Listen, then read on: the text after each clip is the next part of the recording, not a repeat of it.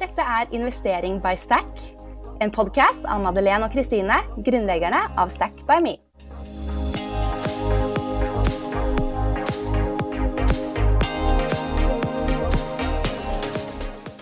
Denne episoden er sponset av ETF-forvalteren Xtrackers og favorittregnskapssystemet vårt 247 Office. Hei og velkommen til Investering by Stack. Dette er podkasten hvor vi snakker om penger, business og investering. Og i denne episoden så skal vi snakke med vår nye COO, Caroline Hunter, om hennes gründerreise, og vi skal sammen snakke litt om DNB og Menon sin nye rapport om barrierer kvinner møter i næringslivet, styrer og investering. Og dette er jo da et tema som opptar mange kvinner. Men det er også veldig viktig at mennene bryr seg også, om vi skal få balansert næringslivet. Så vi oppfordrer deg som mannlig lytter her, eh, til å faktisk lytte gjennom denne også, selv om du kanskje nå tenkte ah, nei, denne episoden er ikke for meg. Men jo, det er den også. Karoline sin reise er uansett ganske spennende. Sånn, ja, uansett. Velkommen, Karoline. Gøy å ha deg i studio. Tusen takk. Det er kjempegøy å få være her. Jeg har jo hørt tidligere på et par podkaster, så eh, du kan sikkert kalle meg en ivrig lytter. Så dette blir kjempespennende. Så hyggelig. Kan ikke du starte med å fortelle litt om deg selv da, og din bakgrunn? Altså, Du er jo seriegründer, og jeg kan jo røpe at bare 1% av tech-gründere er kvinner. Og bank og finans er jo også en bransje som sliter med kvinneandelen. Så du er jo et gullstøv, som enkelte ville kalt deg. Hvordan, eh, hvordan havnet du her? Vet du hva, egentlig hvor det startet, er jo at jeg er jo utdannet advokat. Og eh, det er egentlig ganske trist, men da jeg i en alder av tre år bestemte meg for å bli skilsmisseadvokat. Eh, og det ble jeg. Eh, men eh, det var ikke som jeg trodde i det hele tatt. Så jeg gjorde en god del forskjellige eh, avdelinger innenfor jussen. Så jeg gikk eh, skilsmisse til familie, til testament og eiendom. Og fant til slutt ut at det var ikke så veldig masse av de fagene jeg var så veldig interessert i. Så jeg gikk da inn til corporate og commercial. Eh, noe jeg syntes var mye mer spennende, for det var mer, eh, hva skal jeg si, det var mer high volum eh, i forskjellige deals. Eh, det var bare generelt mer spennende, da. Og når jeg kom inn da til London og begynte å gjøre mer banking applications og hvordan det fungerer i banksektoren, bank og finans, så syns jeg det var mye mer spennende. Eh, og så var jo jeg i den perioden også hvor GDPR og personvern begynte å bli veldig veldig viktig. Så var jeg også en av de hovedfokusene som jeg er en spesialadvokat da, innenfor det feltet, er jo GDPR og personvern også. Eh, og noe jeg lærte veldig tidlig da jeg jobba på en av de største, største hack-eventene som har skjedd, for Eurostar faktisk, og British Airways, eh, var jo at det ser veldig fint ut på overflaten eh, hvor kanskje det juridiske er på plass. Men hvis du dykker ned i tekken, så henter kanskje tekken mye mer data enn vi faktisk vet om. Eh, og det var faktisk da jeg begynte å skjønne at det var en stor kombinasjon mellom tech og juss. Så det var egentlig sånn jeg startet eh, å komme inn i tech. Syns det var veldig spennende. Er også da gift med en som er eh, dypt inn i tekken. Eh, og sammen reiste vi da til Norge i 2019 jo, nei, 2020. Eh, I, under korona. Og da hadde jo mannen min har jo da bygget banker i London, så han har jo vært med og bygget opp eh, Metal Bank og Bow, som er jo fra flere av de store bankene. Eh, og så kom vi til Norge, og han hadde kjempelyst til å lage en neobank. Fordi han syntes det var veldig vanskelig å få en bankkonto i Norge som utenlandsk statsborger. Så måtte du gå gjennom hele tiden å få et eh, personnummer, og så måtte du åpne et AS, så måtte du starte å åpne en bankkonto. Og alt det under koronaen tok seks måneder. Eh, så derfor kom han da opp med at han hadde lyst til å lage en neobank, som er jo da en narrow banking business. Som er at du bruker eh, en bankkonto hos en egen bank, men du er på en måte the outer layer da, på toppen av så på en måte det er fine integrasjonen, og så bruker du kanskje noen andre sin tunge eh, bankbalanse bak. da. Eh, så vi sa jo da at vi skulle prøve å race 4-6 millioner i januar eh, 2021. Hvis vi klarte det, så skulle vi da begi oss ut på en reise og prøve å lage en neobank i Norge. Eh, så vi bygget jo et team av fem stykker. Så det var jo mannen min som var jo hoved eh, Hva skal vi si? Uh, the mind behind uh, the game. Og så var det meg, og så var det tre andre eh, menn også som var med på det laget. så var det på en måte der jeg begynte, da. Og så ble jeg da med også inn i da gründerreisen, som var Jeg gikk jo helt fra en helt stor corporate verden til gründerreisen. Eh, det var jo en stor læringskurve, det også. Ja, det skjønner jeg. Mm. Gud, så spennende. Det høres veldig kult ut. Det er faktisk ikke første gang eh, jeg treffer noen hvor det er et ektepar. Hvor det er en kvinnelig gründer som har startet opp. Jeg har fått med seg mannen sin. Jeg har også invitert til et selskap som heter 19Note, og der er de eh, sammen der òg. Ja. Så det er jo veldig hyggelig. Kanskje eh, litt eh, kjipt for alle andre rundt dere, så Hvis dere to alltid er enige, men det er dere kanskje ikke? Nei, vi var ikke enige heller. Eh, og vi hadde jo altså kjempegodt styre. Så vi var jo På det meste hadde vi også fire ekstra styremedlemmer. Eh, så det var jo ikke på en måte bare oss to heller som styrte skuta. I det hele tatt. Vi hadde jo da både medgründere og vi hadde da også styremedlemmer å forholde oss til. Så det var jo ikke bare oss eh, i det hele tatt. Men um, det, ja. det, jo, det, var, det, er jo tøft, absolutt. Og når man begir seg ut på en gründerreise, så går man jo all in. Du kan ikke logge av klokka fire. Det går ikke. Nei, det er preaching to the choir. Vet alt om det. Men det er jo utrolig spennende. Å starte neobank, det er jo virkelig ikke bare bare. Hva vil du si var det mest utfordrende ved det? Hva skal jeg si? Jeg har jo Jeg hadde jo på en måte grunnbalansen fra å ha gjort dette tidligere innenfor et advokatyrke, da. Så jeg hadde jo sett alt hvordan det er å drive bank på papiret. Men jeg jo ikke, vet, visste jo ikke hvordan det var å drive bank fysisk. Det visste man jo ikke. Eh, og der var det jo mye parter som skulle komme inn. Vi hadde flere tredjeparter som vi var heavy reliable på. Eh, vi hadde jo også da ansatte. Vi, hadde jo, måtte jo bygge vår, vi bygget jo vår egen tech, så vi brukte jo ikke noe andre Alt var bygget fra scratch av mannen min, da. Eh, og så fikk vi en tre utviklere på slutten. Eh, så det var, det var, jo en kjempespennende reise i seg selv, hele Astat. Eh, det er ikke noe jeg skulle vært foruten. Eh, og det, det, gikk på en måte som det gikk også. Eh, så hva som skjedde, var at vi klarte å launche. Vi launcha jo i sommeren 2022. Eh, skal vi se, nå må jeg tenke. Nei, sommeren 2021 launcha vi. Og så tok vi en crowdfunding-runde, for da måtte vi ha en bridge-runde bridge før jul. Men da hadde vi klart å få litt over 1000 kunder på en kjempekort periode. Og alt fungerte. Og vi skulle bli en av de første, eller vi skulle faktisk bli den første som lanserte Apple Pay i Norge. Eh, som da skulle komme live 1.3. Eh, og sånn ble det jo ikke i det hele tatt. Eh, vi gikk jo tom også for penger.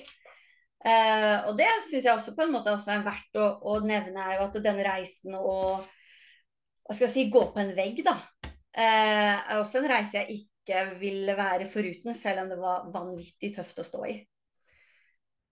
Uh, og, og, vi hadde jo en utrolig uh, fin reise som hva skal man si, både ektepar og team, og med gode styremedlemmer. Ok, Men hva sa investorene når dere prøvde å hente penger da, før dere meldte oppbud? Så hva som skjedde var jo at Vi hadde jo en stor investor, investor fra eh, Finland eh, som skulle jo være med på den store runden hvor vi skulle hente da 25 millioner. Eh, og vi skulle signere papirene, tror jeg det var en onsdag. Og Putin invaderte Ukraina søndag til mandag. Eh, så vi jo, gikk jo i dag inn i call med forventninger om at alt skulle bli signert. Vi var på samme terms. Eh, men de sa at de kunne ikke signere per dags dato. De var usikre på, på hvordan ting skulle utspille seg. Uh, og måtte ta og si at da må vi vente i seks måneder. Uh, og når da den største whalen trekker seg, så trekker jo alle seg. Mm. Og da måtte vi jo gå til de som var lojale investorer, som vi hadde vært med på runde på runde. og de var interessert, men å drive bank koster Vi var Jeg tror det er ingen som har klart å bygge en bank på de småpengene, quote unquote, da, som vi henta. Eh, rett og slett. Men det kosta litt under millionen i måneden å drive bank. Eh, så vi måtte jo hente en god sum uansett. Eh, og da var det jo mange av investorene som ikke ville at vi skulle gi opp eh, i det hele tatt. Men skjønte jo fort at vi klarte ikke å hente den summen sammen, alle sammen. Så det ble en sånn rescue mission fra 1. mars til 31. mai hvor de, vi måtte bare rett og slett legge alle korta på bordet og pakke sammen alle sakene. Si opp og permittere alle sammen. Eh, og eh, da ble det på en måte en rescue-runde på litt over 1,5 millioner. Eh, og valget falt jo da på at det var kun Aksel, da, mannen min, som skulle drifte videre. Eh, med to nye styremedlemmer, da. Eh, som skulle være med å dra det lasset. Og han skulle få en sjanse til å Ja, de, de, trodde på han som person og hans tech. Så de bestemte seg for å da gi han en sjanse. Eh, for å se om de kunne klare å turn it around, da. Så vi meldte jo aldri oppbud. Så vi gikk jo aldri teknisk sett konkurs. Nei, men da blir det ikke en bank, ikke sant? Da blir det et helt annet konsept? Helt annet konsept helt annet konsept, med da samme investorer da, i, uh, i bagasjen. Ikke sant. Mm. Følte du noen gang overfor disse investorene at det telte negativt at du var kvinne? Uh, ja, jeg vil ikke akkurat si at det var jeg som var hovedpersonen. Det var jeg ikke. Men igjen så var det jo mannen min sin idé. Uh, og han er en tech-person. Eh, men eh, jeg følte nok at eh, i hva skal jeg si, i mange møter så var det nok Hadde jeg veldig lite å si i den perioden. I 2020 og 2021 så var det veldig få kvinner. Det var veldig få som var med på en tech-reise. Så det var jo tøft. Det var det jo. Var det noen som sa noe spesielt? Merket du det noe som du kan gjenta. ja, jeg kan jo si at um, noen som var med på den rescue mission, var ikke interessert og brukte vel kanskje mye at vi som ektepar burde ikke gjøre det sammen, fordi at det, familie kan alltid, det kan alltid gå litt skeis i familie. Eh, men jeg hadde nok en følelse at uh, den investoren var, var ikke interessert i å ha med meg videre som kvinne, da. For at jeg mm. hadde nok sagt han imot også flere ganger. Ja. Dette er ikke være så populært, det.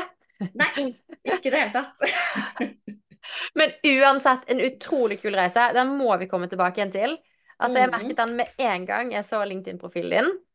Fordi vi har jo vært venner på LinkedIn en stund. Eh, og det var jo faktisk eh, gjennom LinkedIn at vi fikk jobben i Stack. Mm. Og det er jo veldig passende for en app som skal være et sosialt medium. Vil ikke du fortelle litt om det? Altså hvordan du fikk jobben i Stack, og hvordan du hørte om Stack? Jo, um, så vi var vel i samme kohort, tror jeg, i The Factory. Uh, ellers så var vi i én runde før dere, tror jeg. Uh, og da vis, Jeg lærte jo både om både å kjenne deg og Kristine tidlig, og jeg syns det konseptet dere kom med, var utrolig kult. Så jeg har jo fulgt dere hele veien fra start. da eh, fra dere kom med i The Factory-programmet eh, til dere hvor, hvor, dere er i dag. Eh, og så var jeg en liten tur innom strømbransjen, hvor eh, det var bare ikke det jeg brant for i det hele tatt. Og det måtte jeg bare egentlig følge magefølelsen min på. Eh, og så så jeg at dere var i en uh, ny investeringsrunde og søkte crowdfunding. Og så tenkte jeg kanskje hvis de henter nå ekstra mye penger, kanskje de trenger litt flere roller. Så det var derfor jeg tok kontakt da, gjennom LinkedIn. Så tenkte jeg liksom sånn eh, Hei, hvordan går det? Uh, er det noen rolle for meg, eller eh, skal vi ta en kaffe og se vi kan, hvordan vi kan connecte på en eller annen måte, da. Og det var jo mest fordi at jeg hadde vel Jeg syns jo det er kjempekult hva Stack får til, og så hadde jeg lyst til å være med på reisen. Eh, og så må man jo tro på prosjektet også, og gründerne bak reisen også. Så, eh, så, sånn sett så var det vel kanskje en sånn eh, Hva er dette? Crush. LinkedIn crush. som gjorde at jeg tok kontakt. Så hyggelig. Det sier jo bare litt om hvor viktig det er for både rekruttering og kundevekst og investorer å være litt synlig. Jeg vil trekke det frem fordi at uh, faktisk så sier Nav at 42% av stillinger blir fylt på denne måten. Mm. Skjulte stillinger kaller Nav det. Så det er utrolig viktig å være proaktiv sånn som du er. Den stillingen som du endte opp med å få, den var jo faktisk ikke ledig når du søkte, eller når du sendte melding. Men sånn Mm. uken etterpå så sa jeg jo bare COO opp, og det var jo den rollen du hadde i Elect. Og jeg bare Wait a minute. Det var noen som sendte meg melding på LinkedIn som er COO. så det passa fint. Da bare ut med hunden og inn med hunden, og så smakk, smakk, så er vi ferdig. Startup efficiency. Um, så det var dagens karrieretips. Da må jeg også bare si at det var faktisk ikke første gangen jeg landa en jobb gjennom LinkedIn på det. Nei, ikke sant? Nei. ikke sant? Ja. Nei, det er veldig, veldig riktig og viktig hvis man har lyst på lederstillinger, tror jeg, å være Mm. så proaktiv. Og så er det vel kanskje sånn, vi er jo et remote-selskap, eh, så spesielt innenfor den verden, så er det jo ikke så mange jobber å søke på, kanskje. Um, og jeg vet jo at du, um, du bor litt utenfor Oslo, så det var kanskje Mm. viktig for deg at vi er et remote-selskap. Jeg syns det er veldig viktig, og spesielt når man er i den småbarnslivet da, og småbarnsfasen, så er det jo sånn at uh, man må levere og hente på forskjellige tidspunkt. Uh, og så jobber jo begge to i fulltidsstillinger. Uh, og sånn sett så er vi veldig heldige at vi er begge to remote. Men faktisk med litt fysisk, da. Jeg syns det er veldig viktig å ha litt fysiske møter samtidig som man er remote, fordi man må Nå er jeg litt mer pratsom, da, kanskje, enn the average. Men eh, jeg syns det er viktig å kunne møtes i person også. Da blir man bedre kjent og får litt mer utbytte av, eh, av forskjellige ting. Eh, men å være remote istedenfor å være på kontoret fem dager i uka, det var, er veldig viktig for meg. Ja, det er ganske småbarnsvennlig å kunne jobbe hjemmefra på fleksible tider. Det merker jeg jo selv også.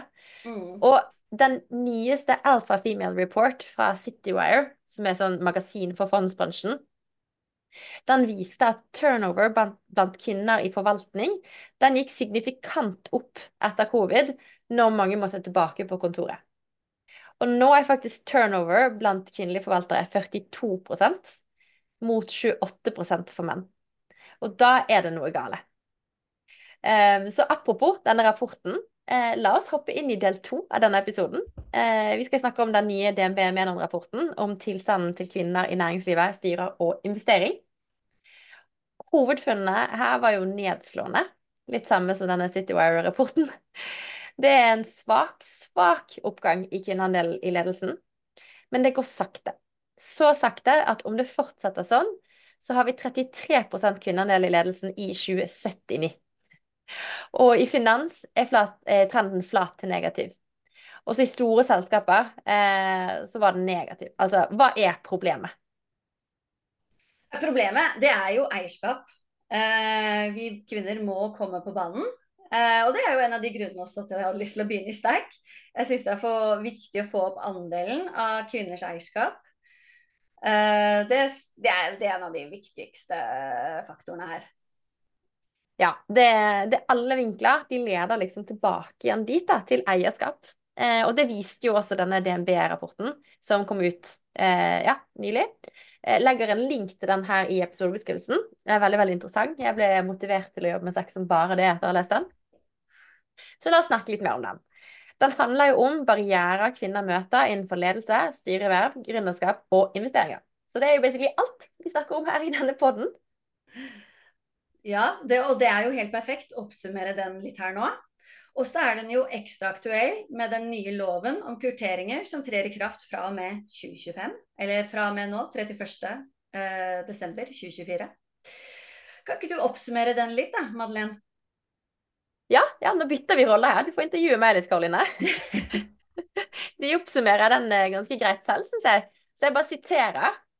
Kvinner har tradisjonelt hatt få lederstillinger og styreverv i norsk næringsliv. De har historisk eid få bedrifter og startet langt færre nye bedrifter enn menn. Som finansielle investorer har kvinner i langt mindre grad enn menn latt seg eksponere for risiko gjennom kjøp av aksjer i enkeltselskaper. Denne rapporten eh, viser at kvinners deltakelse og aktivitet på disse områdene i Norge i beste fall øker svært sakte. På en rekke områder har vi de siste åtte til ti årene ikke sett noen endring i dette mønsteret overhodet. Og det er skuffende fra et likestillingsperspektiv. Hvorfor er det sånn? Det er veldig trist. Eh, det jeg ville gjettet, er at det henger sammen. Kvinner blir ikke oppmuntret til å ta risiko, så dermed starter de ikke selskaper, og dermed blir de ikke CEO-er eller styreledere. Dermed har de heller ikke penger å investere. 392 av 400 rikeste i Norge har startet selskaper.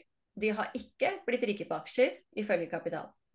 Også blir det vanskeligere for kvinnelige gründere å hente kapital til nye prosjekter, fordi man investerer ofte i folk som er like enn seg selv. Og det er en ond sirkel. Ja, det er det. Og så er det jo noen flere grunner, da, ifølge denne her eh, rapporten. Livet er jo aldri så enkelt. Nei, sjeldent. Men la oss bryte det ned, tema per, te tema per tema, holdt jeg på å si. Så nå snur vi litt på rollene her. Så får jeg intervjue deg, som kan dette litt mer, og har dykka litt dypt i materialet. Hva er, ja, hva er hovedfunnet innenfor ledelse og styrer? Ok. Én hovedfunn innenfor ledelse og styrer, det er at andelen eh, kvinnelige daglige ledere i næringslivet den er nå på 18% og det er en økning på 3 prosentpoeng siden 2010.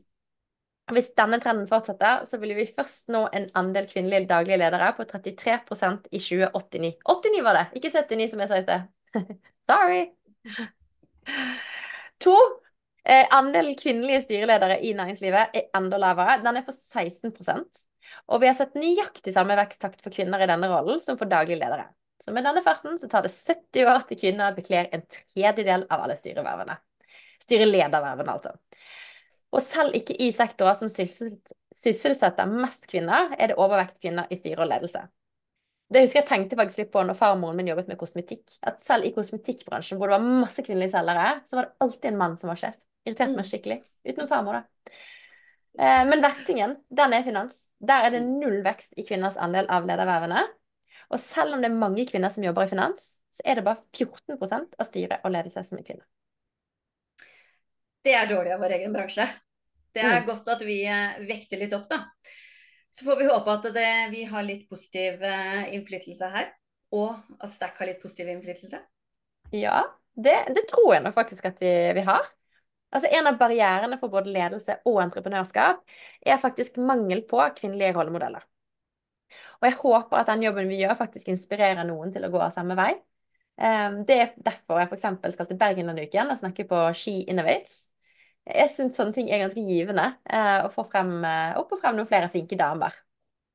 Ikke sant? Jeg er helt enig. Eh, jeg er jo også ODA-mentor selv, så det er jo innenfor tech-bransjer og tech-bransjen generelt. Og jo mer mentorskap for unge kvinner i tech, men det er jo det samme problemet der også. Og derfor gir jeg litt tilbake da, til de yngre. Fordi jeg ikke hadde noen selv. Ikke sant. Det, det er viktig. Hvilke andre barrierer ser man for kvinner innen styre og ledelse? En ting som jeg merket meg i denne rapporten, eh, det var jo at kvinner i lederstillinger det de skriver er de ofte har en partner som også jobber mye. Så derfor så tar man på relativen mer ansvar hjemme enn menn i samme stillinger i snitt. Så sikkert ikke mest i, liksom, blant alle kvinner i samfunnet, men på en måte i forhold til menn da, som er i lederstillinger. Men det er ikke sånn at kvinner er fornøyd med det. De er misfornøyd med det. Um, de oppgir at de ikke ønsket denne situasjonen. Så um, de ønsker egentlig å ta litt mindre ansvar. Uh, og det kjenner jeg meg så igjen i. Um, jeg hadde en kjæreste før mannen min, og han slet veldig med det at jeg skulle tjene mer enn han. Eh, og det sa han en gang liksom, det var glemmesak at du skulle tjene mer enn meg. Og det er liksom sykt weird. Fordi det var jo ikke 1950, det var typ 2012. Um, og han ble jo sammen med meg, som uh, hvis noen har møtt meg, så er jeg jo en ganske liksom, sterk kvinne med sterke meninger. Så han hadde ikke problem med det. Men akkurat det med pengene, der hadde han skikkelig issues. Eh, og da ble det jo ikke oss to, da. Det høres ut som for det beste. ja, absolutt. På mange måter. Absolutt. Men det ender jo liksom med at man som sterk, liksom, ambisiøs kvinne ofte finner en enda mer ambisiøs mann, for de føler seg ikke truet. da. Mm. Jeg er helt enig. Jeg har også valgt en mann som har like høye ambisjoner, eller høyere enn meg selv. Og vi har jo veldig fleksible jobber. Eh, og noe så kommer det jo da litt reise på toppen av det hele, som kan jo gjøre at man blir borte i, like, eh, i litt perioder. Eh, men jeg må nok si at det er nok jeg som tar mest ansvar her hjemme. Eh, men det er nok eh, kontrollfriken i meg som person, da. Jeg klarer ikke å legge det fra meg. Ja, men det der Jeg tror faktisk at vi kvinner må bare lære å gi slipp. Det har jeg blitt veldig god på siste året, for jeg bare har ikke hatt kapasitet. Eh, og det blir så skittent, og mannen min blir eh, faktisk litt sur. Men eh, det er sånn, ja ja, men i alle år føler jeg faktisk at jeg har tatt mest, så nå er det på en måte hans tur lite grann, da. Og så satser jeg på at det blir ganske likt fremover, da. Satser på det. han er gift med er jo faktisk i pappaperm nå, så han har jo altså sånn, han har jo mer tid til å gjøre ting hjemme. Um, men han har jo vanligvis hatt krevende jobber, han òg. Og det er jo litt enklere sånn. altså sånn, Ingen har komplekser for at den ene tjener mer enn den andre. Og han, altså sånn, mannen min Ole Kristian han står ganske støtt i seg selv. Så jeg tror faktisk ikke han ville brydd seg noe særlig om vi hadde hatt det sånn at jeg tjente mer. Uansett. Um, akkurat nå så har vi faktisk så mye felles utgifter med det huset vårt at jeg tror han hadde jublet uansett hvor pengene kom fra. ja, jeg husker også den husbyggingen vi hadde. Det, det, går eh, penger fort ut. Hva enn du snudde deg eh, i millimeteren, så kosta det jo flere tusen. Rett og slett. Men det blir bra igjen. Ja, jeg håper det. Nå er det sånn at Jeg tør nesten ikke ta telefonen, for jeg bare føler det er noen som ringer og purrer på en regning. Hver gang. Men vi hadde jo en liten sånn joke, eller joke and joke, imellom oss. Eh, så var det jo litt sånn at den som tjente mest, den kunne slippe unna med mindre husarbeid. Så vi har, vi alt, vi har hatt et sånt lite hik med at den som tjener mest i huset, den gjør litt mindre. Ok, Så du må opp i lønn, altså? Jeg må opp i lønn. I dag. I dag må jeg opp i lønn. Men det var en periode som jeg faktisk tjente litt mer enn han. Ja. Vi må tilbake igjen dit, da. Det må jo være målet. Eh, men hva mer, da? Man snakker jo ofte om at kvinner ikke søker på stillinger hvis man ikke tikker alle boksene. Føler du det samme? Altså, rapporten finner noe av det også. Eh, du spør helt feil person, for jeg er jo kjempebold og tror jeg klarer alt. Så, så jeg er ikke en sånn person. Men eh, rapporten skriver at kvinners oppfatning av egen kompetanse og selvtillit påvirker deres tilbøyelighet til å bli entreprenører. Og da tenker jeg at det sikkert også påvirker deres tilbøyelighet til å bli toppleder, uten at det står spesifikt, faktisk. Mm. Hva annet står det spesifikt, da? Det er jo det vanlige, da. At eh, kvinner tar mer permisjon.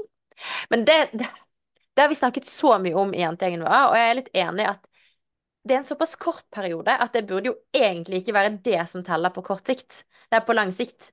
Um, jeg tror at det som teller mer, det er at uh, kvinner uh, opplever forventninger om lange arbeidsdager som mer problematisk enn menn med barn. Det tror jeg er en tyngre grunn. Eh, og her tenker jeg faktisk at mindre krav til fysisk oppmøte, sånn som vi har i SNEC, og bedring av sosiale normer mot at det er OK at fedre også tar en større del av ansvaret hjemme, det er to hovedelementer for å bedre dette. Altså i min barselgruppe, så det er ingen andre som tok 50-50, for å si det sånn. Jeg skjønner jo det. Det er litt sånn med amming og sånn. Hadde de ikke hatt hjemmekontor, så hadde det ikke gått. Men med hjemmekontor så har det faktisk funket veldig bra, selv om Altså, man blir jo litt trist innvendig av å gi fra seg babyen når han er bare fem måneder. Absolutt. Men uh, han har det jo veldig bra med pappaen, så det er jo mer meg. Det er ikke egentlig for babyens skyld at jeg skulle hatt mer perm. Ja, så anyways, jeg syns det funker bra med remote i stack. Um, men jeg syns jo at det kan Jeg ser jo det, at det kan bli uoversiktlig med mange ansatte. Uh, men på, på ledernivå så må man liksom levere uansett. Så jeg er liksom ikke sikker på om det kan gå så gale. Um, så jeg har lyst til å prøve å se uh, hvor lenge det kan funke i stekk. Har ikke noe mål om å bli fysisk bedrift. Jeg tror at det er mye bedre for kvinner generelt å ha mer hjemmekontor. Uh, det kommer jo oppgaver f.eks. som må gjøres i hjemmet, og man ikke klarer å slippe het istedenfor å måtte reise halv åtte om morgenen og komme tilbake litt over fem heseblesende stresse å lage middag, og så når barna er lagt, så skal du begynne å brette og vaske klær, du skal ditt, du skal datt, og plutselig er klokka ti før du faktisk får pusta i fem minutter. Eh, og det tror jeg med remote work at da får man jo i hvert fall en og en halv time ekstra hjemme per dag, så man kan gjøre litt oppgaver før man, eh, før man starter på jobb, da. Ja, så det er kanskje lettere å kombinere. Sånn Svigermoren min er mm. ganske kul. Hun uh, tar også stryker alle serviettene til restauranten, eh, hvor hun er daglig leder. Og så eh, mens hun tar bookinger. Så bare multitasker eh, mens hun står hjemme på kjøkkenet og liksom Kanskje det putrer noe på ovnen som hun passer litt på. Og, ja. Det er liksom sånne ting man kan gjøre. da. Man kan være ganske Mm. effektiv, men likevel få satt på den middagen, eller eh, ja, ta litt telefoner mens man rydder litt. Så lettere å kombinere. Det tror jeg. Apropos, Det tror jeg. Eh, men apropos oss. Det er jo heller ikke så mange kvinnelige gründere eller investorer. Dette er jo temaer som står oss nært. Hva sier rapporten om gründere? Ja, altså På gründersiden så var det jo først og fremst dette med rollemodeller. De mangler for kvinnelige gründere. Eh, og det andre jeg allerede har nevnt, er jo da mangel på selvtillit. Og jeg tror personlig at det kommer av at det mangler disse rollemodellene som heier, om du skjønner, at de to også henger sammen. Altså, Vi har jo en del gründervenner fått i sosiale medier, og det er faktisk utrolig viktig.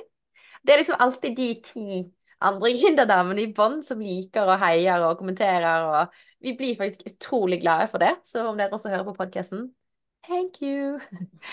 og eh, det er jo ikke alltid nødvendigvis liksom direkte heiing, men også indirekte.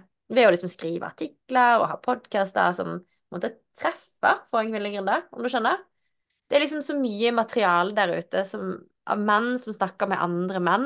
Det er jo på, i hvert fall på engelsk veldig mye sånn amerikanske podcaster med liksom en American eh, male host, og så er det en eh, liksom, male founder, og de snakker om helt sykt store tall som bare overhodet ikke er tilgjengelig for en kvinnelig gründer i Norge. Altså, det er jo ikke rart at kvinner tenker at dette ikke er for dem. Jeg er helt enig. Jeg elsker kvinner som heier på kvinner. Eh, kvinner. Kvinner. Og jeg prøver jo å være en av de selv også. Og, og det gjenspeiler seg selv med at jeg prøver å, å være en mentor i Oda-nettverket. Eh, rett og slett. Ja. Jeg synes det er nok en gang et veldig bra eksempel på en som gir tilbake. Bra, Karo. Jo, takk. Men det er, jo, det er jo som du sier, det er jo ikke mange rollemodeller som er kvinnelige gründere. Så det er jo sikkert hvis noen spør deg, hvem er det du ser opp til? Er det en kvinne? Ja, altså, jeg har faktisk eh, eh, funnet meg eh, Sorry, Pernilla Nyrensten. Hun var jo var det var ikke første kvinnelige gründer som tok eh, selskapet sitt på børs i, i Stockholm. Mm. Det er jo fett. Det er veldig kult. Um, og så, ja eh, Syns jeg faktisk dette her eh, eh, Mange syns jo det hun er litt sånn eh, teit, men Bianco Ingrosso syns jeg er dritfet. Altså businesswoman. Det er, jo, Eh. det er jo like mye som å si at uh, Kim Kardashian ikke får det til, men se på dama. ja. Altså Behover en million er blitt den merkevaren. Skjønner hva kunden vil ha. Liksom Mm. bare den der touch and feel på, på det, og klarer å monetisere det, men likevel liksom partner opp med andre der man kommer til kort. Så Mm. utrolig liksom business-minded, eh, kule dame. Så tenker jeg at vi skal jo gjøre med Stack det hun har fått til med Kaja, og, og det Pernilla har fått til med Revolution Race. Utrolig kult. Mm. Helt enig. Men også er det jo så klart nevnt dette um, med at permisjoner og barnehage barnepass oppleves som en barriere. Og der vil jeg jo bare si at det er det ikke. Det er jo bare å opprette et AS og ta ut lønn. Jeg tror mange liksom brenner seg på det at de er enkeltmannsforetak eh, og ikke tar ut lønn, og så har de plutselig ingen rettigheter da, når de har lyst på barn. Eh, og så blir det litt sånn skumle historier ut av det, hvor ikke man skjønner detaljene av det. Eh, Men har man et AS, tar ut lønn og betaler arbeidsgiveravgift, så har man rett på permisjonspenger. Og da er det jo det samme å være gründer som å ha en jobb med tanke på rettigheter. Mm. Så jeg tror det er mangel på kunnskap. Um, og det prøver vi jo da å snakke høyt om, annet i denne podden. Um, men jeg tror også vi må komme med et kurs om entreprenørskap etter hvert òg. Jeg tror det trengs. Det tror jeg absolutt. Jeg tror det er mye å lære. Eh, jeg er kanskje ikke den eh, som eh, skal si, snakke så veldig høyt, for jeg tok ikke mammapermisjon med nummer to. For da var jeg Ja, jeg var jo også gründer. Så jeg tok ikke permisjon i det hele tatt, og tok en sånn engangsstønad. Og det angrer man jo ganske mye på. Ja, det er jo liksom en gang i livet, det. Men det er jo litt sårbart. Jeg skjønner jo at noen gjør det. I hvert fall hvis man ja, er eneste ressurs og Mm. ikke har lyst til å på en måte miste helt momentet. Men eh, jeg tenker, vet du hva, det finner man ut av. Automatiser så mye som mulig hvis du ønsker å tilrettelegge for det. Så har man litt tid på å Altså man har jo litt tid på å følge opp mens man er i perm. Mm. Og så har man helst lønn fikset av Nav. Dersom man har tatt ut lønn, så får man jo det. Og da trenger man jo ikke selge så mye, og det bruker man jo mye tid på ellers som gründer. Um, jeg vil gjerne nevne et eksempel. Altså Pia Seberg. Eh, jeg bruker treningsportalen hennes. Eh, og, hun skal jo ut i perm nå. Og da har hun forhåndsinnspilt videoer, og så scheduler hun de bare i forkant. Så det fortsatt kommer liksom en ny video hver onsdag. Um, så jeg kommer jo ikke til å merke noen forskjell. Jeg syns jo bare at det er gøy at det kommer en ny økt hver onsdag, men jeg har aldri joinet live. Det er klokken ni på morgenen. Jeg trener jo ikke da. det er jo key-ordet, da. Eh, eller nøkkelordet. Det er jo planlegging. Ja, med planlegging så får man jo til det meste. Men tror du det hadde fungert i stack, da? Ja, altså jeg var jo i perm. Men jeg måtte være litt på det da vi skulle hente penger. Um, det er jo litt spesielt. Um, fordi som gründer ser man ansiktet utad også. Spesielt i en fundraise. Uh, og i en tech-bedrift så vil jeg nok si at det uansett er bra å være team. Eller uansett, det er nok bra å være team. uansett hva du skal drive med. Så blir man mindre sårbare, og så er det mindre skummelt. Det, det er min erfaring også. Team er superviktig. Å ha et sterkt team Eh, det er et godt anker for skipet. Eh, og da er det veldig lite motvind man kan møte. Ja, og skal man se på statistikken, så burde man faktisk ha en mann på teamet. I hvert fall om man skal ha kapital. Altså Både Unconventional Ventures og DNB-rapporten viser jo helt grelle tall her. Rene kvinnelige teams får 0,9 av WC-kapitalen her i Norden. Um, og rene mannlige teams får vel 95% eller noe sånt. Uh, men det er jo fortsatt uh, mye høyere sannsynlighet hvis du har en mann på teamet. Og ifølge DNB Menon så er jo en av grunnene til det at kvinner møter strengere krav til informasjon for kapitalinnhenting i finansmarkedene. Og kvinner, uh, kvinnelige gründeres bakgrunn blir tilrett, tillagt mindre vekt av investeringsfond. Så de, ja, Det er rett og slett mindre tillit hvis man er en professional. Da. Det er bare hårreisende tall. Ja, og vi har jo merket det i Stekk, um, så det jobber vi med. Og så langt så har vi jo klart å hente penger likevel, ved at vi har engasjert masse kvinner til å investere bare litt. 884 aksjonærer har vi nå, um, og vi hentet 9 millioner i siste runde, 9,1, uh, med snitticket 15 000 kroner i forrige runde. Det er kjempeimponerende. Det må du gi deg en klapp på skuldrene for. Takk. på meg på skulderen her jeg sitter.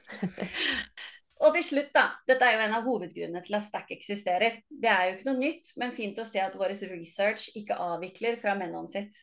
Hvilke barrierer er det kvinner møter i tilknytning til investering? Det er fire punkter. Eh, de har eh, lavere finansiell kunnskap enn menn. Eh, det mener i hvert fall kvinnene selv, men jeg har også sett forskning på faktisk at i sånne spørreskjemaer og sånn, så svarer de ikke like riktig som menn. Um, men de svarte mer riktig hvis de ikke fikk lov til å skrive 'vet ikke'. Så hvis de måtte velge et svar, så hadde de si, mer finansiell kunnskap enn de trodde, da. Men de er mer risikoaverse. Um, men skriver denne DNB-rapporten. Og der vil jeg faktisk eh, påstå å si at jeg tror kvinner er heller mer risikobevisste. Sånn at eh, de ønsker å forstå risikoen før de tar den. Derfor søker de mer kunnskap. Og det tar bare litt mye tid, og så er man busy, og så blir det ikke noe av. Jeg tror ikke egentlig at kvinner i natur er mer risikoaverse. Det er i hvert fall det er mye sånn ekstern påvirkning at sånn skal vi være fra vi er små. Så jeg tror hadde vi blitt snakket til på samme måte som guttebarn, eh, så hadde vi nok ikke vært det. Jeg tror ikke det er noe liksom genetisk. Um, de har lavere selvtillit. Igjen tror jeg dette her kommer av at eh, fra man er liten gutt, så blir man på en måte oppmuntret av Prøv det, det får du til. Mens jenter blir litt sånn Nei, nei, eh, ikke gjør det. Du kan falle og slå deg. Vær forsiktig. Og så på en måte lager man på en måte stereotyper ut av kvinner, jenter og guttebarn. Um, og i voksen alder så holdes kvinner i noe grad utenfor mannlige engleinvestornettverk. Det er liksom hovedfindingsene i tilknytning til investering. Det er jo veldig trist, og dette må vi jo gjøre noe med. Ja, vi jobber med det. Ja, og vi har jo noe som heter Academy og kursene våre. Og vi skal straks begynne med aksjekurs. Ja, det gleder jeg meg skikkelig til. Eh, etter påske så skal vi i gang med et aksjekurs. Og det blir fire kvelder og masse bra input. Så hvis du trykker deg inn på nettsiden kurs, og så skriver deg opp på listen mer om kurset, så sender vi deg info når påmeldingen er live. Coming soon. Yes, jeg blir i hvert fall med. Bra. Det er sånn company perk, så du skal faktisk slippe å betale, Karoline. Bra. Så gøy. Eh, og for mer selvtillit så håper vi at eh, du følger oss på Instagram og fortsetter å høre på podkasten. Husk å abonnere, så får du et varsel når neste episode kommer. Og gi oss kjempegjerne en rating også. Da blir vi veldig glad. Takk for besøket i dag, Karoline. Takk selv. Ha det bra. Ha det.